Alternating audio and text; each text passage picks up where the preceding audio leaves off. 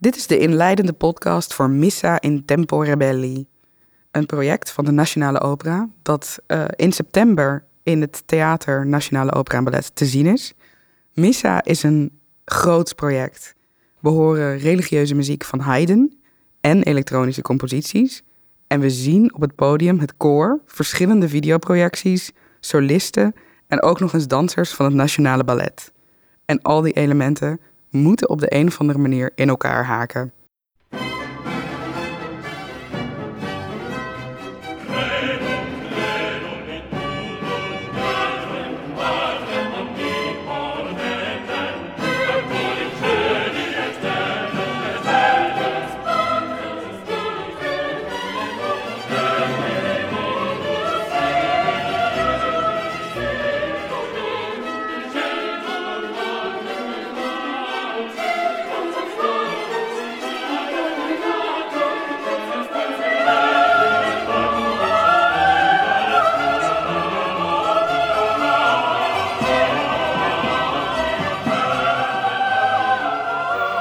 Ik ben Laura Roling, dramaturg bij de Nationale Opera.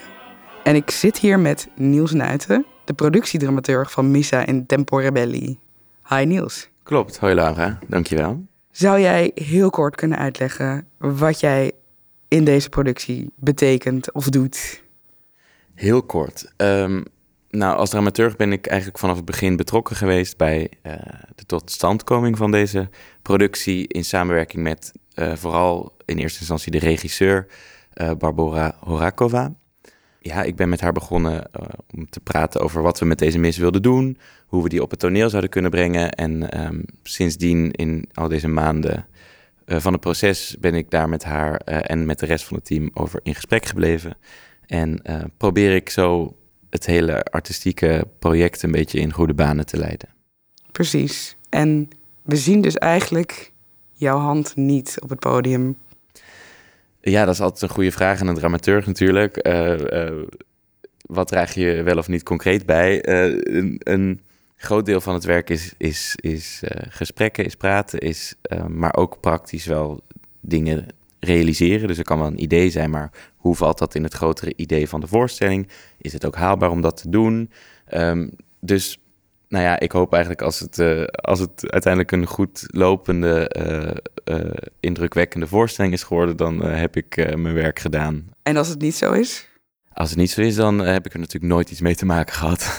nee, dan. nee, heb je je best gedaan? Dan hebben we ons best gedaan met z'n allen samen. Ja, het was sowieso een vrij collectief proces, omdat we in een hele korte tijd heel veel hebben gedaan. Dus iedereen was op zijn manier heel betrokken eigenlijk bij alle keuzes die we hebben gemaakt. Um, dus ja, het is echt een groepsproces ook geweest. Ja, en als we dit um, project voorstellen aan een publiek, dan moeten we ergens beginnen. En ik zou zeggen, laten we dat doen bij uh, de man wiens naam op de poster staat, Joseph Haydn. Zijn muziek, zijn mis, vormt de kern muzikaal van dit project. Kun je iets over die mis vertellen? Ja, uh, Missa in Tempore Belli, dus de, de mis in tijden van oorlog, um, kregen wij eigenlijk als opdracht, uh, maak daaruit een, een muziektheatrale avond. Met inderdaad alle elementen die je al opnoemde, dans, film, uh, alles erop en aan. Maar het startpunt was inderdaad deze mis. Een mis in tijden van oorlog is, is vooral in eerste instantie een, een beschrijving eigenlijk. Het is eigenlijk letterlijk geschreven in tijden van oorlog. En dat, als ik even mag onderbreken. De titel van de mis is Mis in tijden van oorlog. En als ik uh, als luisteraar of als, als, ik die titel lees, dan denk ik... in die muziek klinkt angst, chaos, verdriet, wanhoop. Maar die verwachting van mij wordt totaal niet ingelost door Haydn. Hoe zit dat? Totaal niet. Ja, er, er, zijn misschien wel wat elementen uh, te vinden die dat wel uh, weerspiegelen. Maar inderdaad, het is een hele vreugdevolle, jubelende mis. Um, dus de oorlog lijkt inderdaad ver weg. Je zou hem alleen kunnen horen in, de in het laatste onderdeel van de mis. Het Agnus Dei hoor je daar... Um, paukenslagen. En vandaar heeft deze mis ook haar bijnaam de paukenmis gekregen. Goed, en die paukenslagen, daarin uh, hoor je een bijna theatraal element van oorlog. Maar of we daar de overwinning horen of een dreiging uit de verte, dat blijft ook voor ons een beetje in het midden. Nou ja, omdat zeker de, de afsluiter, ook dat Agnus Dei na die pauken, gaat in één keer toch weer naar, naar de, naar de jubel, jubelstemming. Ja, trompetgeschal en... Uh... Trompetgeschal en er wordt dan in de mistekst wordt gezegd... Dona nobis pacem, geef ons vrede. Maar dat wordt op bijna zo'n manier gezongen in majeur... Dat, je, dat het bijna is alsof die vrede al verschaft is. Ja, zo zou je het wel inderdaad kunnen zien. Maar goed, er zit nog steeds daar een, een eis en een vraag in vanuit de mensen die het zingen. En daar... Uh... Ja daar eindigt ook onze mis inderdaad mee. Dus uh, daar moesten we ons toch toe verhouden. Precies. Ik heb de nieuwe chef-dirigent van de Nationale Opera en ook de dirigent van deze productie, Lorenzo Viotti, um, nog even onderschept tussen zijn vele repetities en gevraagd naar de muziek van Haydn. Um, dat omdat hij als chef-dirigent verantwoordelijk is voor deze muzikale keuze voor deze mis. En volgens hem is wat er bijzonder is aan Haydn, is dat hij als het ware een frisse wind door de religieuze muziek liet waaien. Laten we even luisteren naar het fragment. He was, he was I think, the liberator of that very conformist, um, heavy um, religious music. You know, if you compare to, for example, one of the part of the Mozart Requiem, or even one of the Mass of Mozart, which is still very heavy, kind of very serious. And Haydn just, because he used, of course, all the lightness of the opera of Mozart, because he knew all of them, he used it, especially in that mass, in a completely different way. The way he used the soloist, the way he used the chorus, the way he used sometimes um, the Latin text, which is normally made to be in a very dark tonality, he does it in a very light tonality. So that's a big celebration. And when you hear that, then you dare to actually celebrate religion, celebrate God, celebrate just life and the community.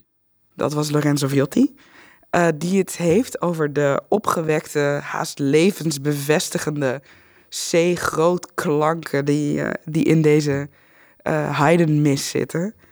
Um, dat was voor jullie als artistiek team eigenlijk niet voldoende om alleen die mis van Haydn te pakken. Hoe zit dat?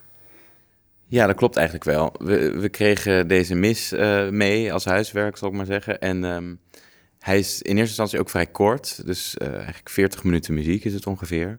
Uh, en we moesten natuurlijk sowieso echt een voorstelling eruit gaan maken. En wat ons eigenlijk vrij snel duidelijk werd, is dat wij in ieder geval met Barbora ook, hoe zij werkt. Dat de zij, regisseur? De regisseur, Barbora Horakova dat zij behoefte had aan uh, contrast. Um, om daar een spanning te creëren. En uh, zoals Lorenzo inderdaad ook die levendige klank, uh, majeur gevoel beschrijft. Dat wilden we tegenkleuren om zo inderdaad een, een beetje een wrijving te laten ontstaan. En daardoor ruimte te creëren om een theateravond uit deze mis te maken. Om die tegenkleur te creëren hebben jullie Janif Oron gevraagd. Kun je hem introduceren? Wie is hij? Uh, jazeker. Janif is uh, een DJ en elektrocomponist uit Zwitserland. Uh, Barbora heeft eerder met hem samengewerkt en dacht eigenlijk meteen aan hem voor dit project. Hij werkt met zijn eigen gebouwde instrumenten. we zullen hem ook zien in de voorstelling op het toneel. Um, en de vraag aan hem was inderdaad: reageer op die muziek van Haydn. Um, dus uiteindelijk hebben we koordelen de vaste delen uit de mis. Dus Kyrie, Gloria, uh, dat zijn allemaal vaste onderdelen uit de katholieke mis. Um, en die worden afgewisseld met uh, deze elektronische momenten of muziekmomenten van Janiv. Jullie hebben een contrast nodig, maar als we even teruggaan naar überhaupt het anseneren van een mis. Hoe doe je dat? Waar, waar zijn jullie begonnen? Ja, we hebben um, daar natuurlijk meteen flink over gepraat. Hoe gaan we dit doen? En um, de regisseur werkt heel erg vanuit persoonlijke verhalen en persoonlijke uh, ervaringen. Dus daar gingen we eigenlijk naar op zoek. Die, die zitten niet in de mis zelf, dus die moesten we vanuit andere bronnen, uh, uit andere bronnen halen. In de mis zijn wel vier solostemmen die naar voren komen, die uit het koor naar voren treden om een, een stukje te zingen. Dat is een sopraan, een mezzo-sopraan, een tenor en een bariton. En in deze vier mensen vonden wij uh, eigenlijk protagonisten, of in ieder geval de mogelijkheid om personages te ontwikkelen voor deze uh, solisten.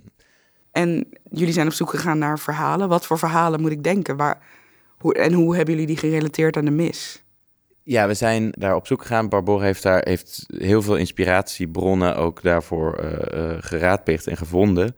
En uh, om dat een beetje te kunnen kaderen, zijn we eigenlijk op zoek gegaan naar verhalen van individuen die niet goed meekomen of die verstoten of die ja, op, op, op andere manieren eigenlijk buitengesloten zijn uit een groep. Omdat we dat ook heel letterlijk natuurlijk in de muziek horen. Het is een hele grote koorwerk. Dus we hebben heel de tijd die, die groep die heel erg aanwezig is. En door deze solisten eigenlijk uit die groep te nemen, ook als ze niet zingen. Dus we zien die eigenlijk de hele voorstelling door. Uh, zijn ze aanwezig? Zijn zij aanwezig? Hebben we hun verhalen eigenlijk inderdaad ont, ontwikkeld tot uh, lijnen uh, in de voorstelling. En dat gaat dan eigenlijk over individuen die in de knel komen met de regels van het collectief, als het ware. Ja. Kun je, kun je, kun je een voorbeeld geven van een van die verhalen? Ja, het zijn, het zijn allemaal vrij heftige verhalen. Ehm, ehm, die ook op een bepaalde manier te maken hebben met een religieuze groep. Hoewel ze ook, denk ik, op een wereldlijke manier geïnterpreteerd kunnen worden. Uh, maar bijvoorbeeld. Ehm, het, het verhaal, om het zo inderdaad maar te noemen, van de sopraan is dat zij uh, het verhaal van een vrouw die verkracht is en zwanger is geraakt en deze uh, besluit om abortus te plegen.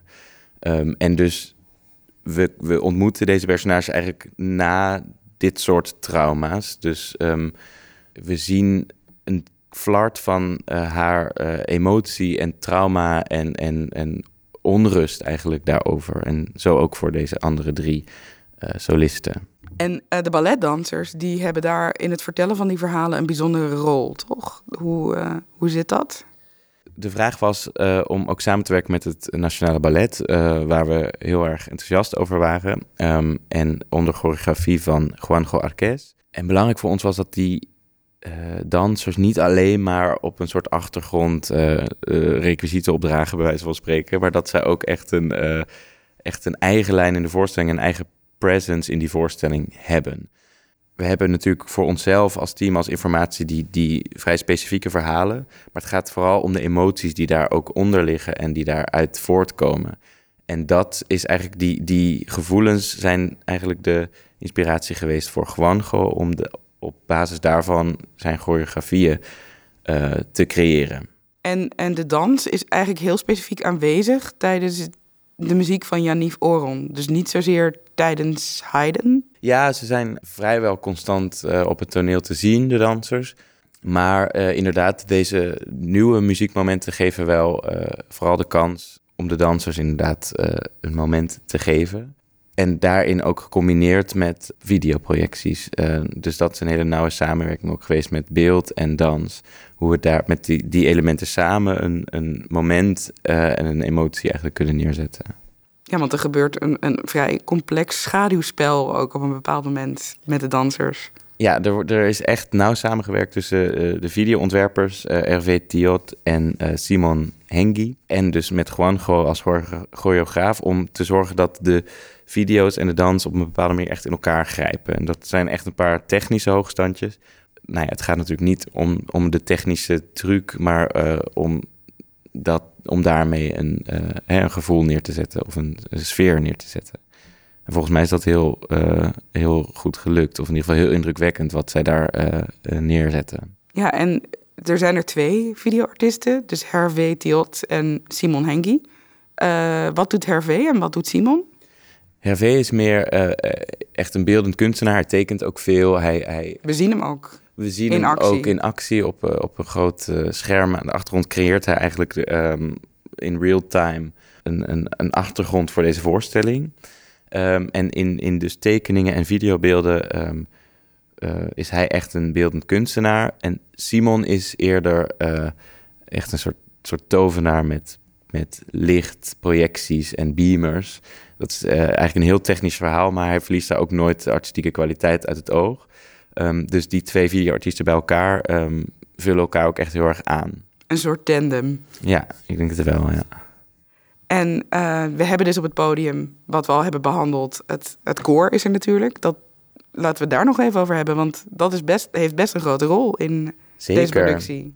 Zeker, ja. Het koor is, is, is constant aanwezig op, uh, op grote hoogte. Ja, vooral um, op grote hoogte. Want ja. het staat op, uh, op de bovenste verdieping in een stellage. Ja. En het zijn bijna een soort, of tenminste, zo zie ik dat dan, een soort engelen uit de hemel die eh, op ons neerdalen.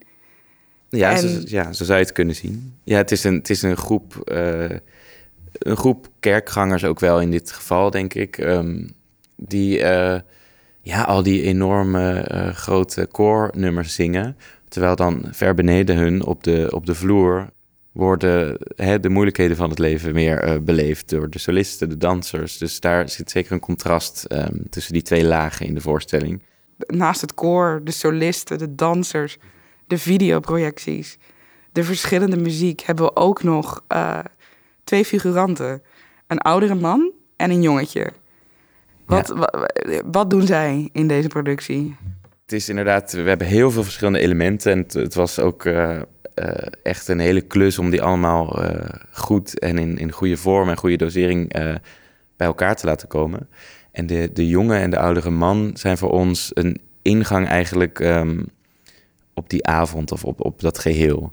Eh, de jongen brengt een soort, soort lichtheid, hè, het, het, de onbevangen blik eigenlijk van een kind die nou ja, naar, eh, naar die solisten toe gaat en daar op hen af durft te stappen en eigenlijk ons in dat verhaal helpt van die mensen. Doordat hij interesse durft te tonen. Of Ja, zoals we dat misschien zelf ook herkennen. eh, als iemand eh, in je omgeving iets heel ergs heeft meegemaakt, dan vinden we het vaak moeilijk misschien om met die persoon te praten. Of ja, wat zeg je dan? Hoe doe je dat? En, en kinderen kunnen natuurlijk veel makkelijker zeggen van, hé, hey, waarom, waarom heb je daar een wond? Of waarom heb je pijn? Of waarom ben je verdrietig? Of ja, dus dat, die onbevangenheid van dat kind, dat is een soort, soort trigger om ook die emoties weer, weer boven te laten komen bij die solisten, toch?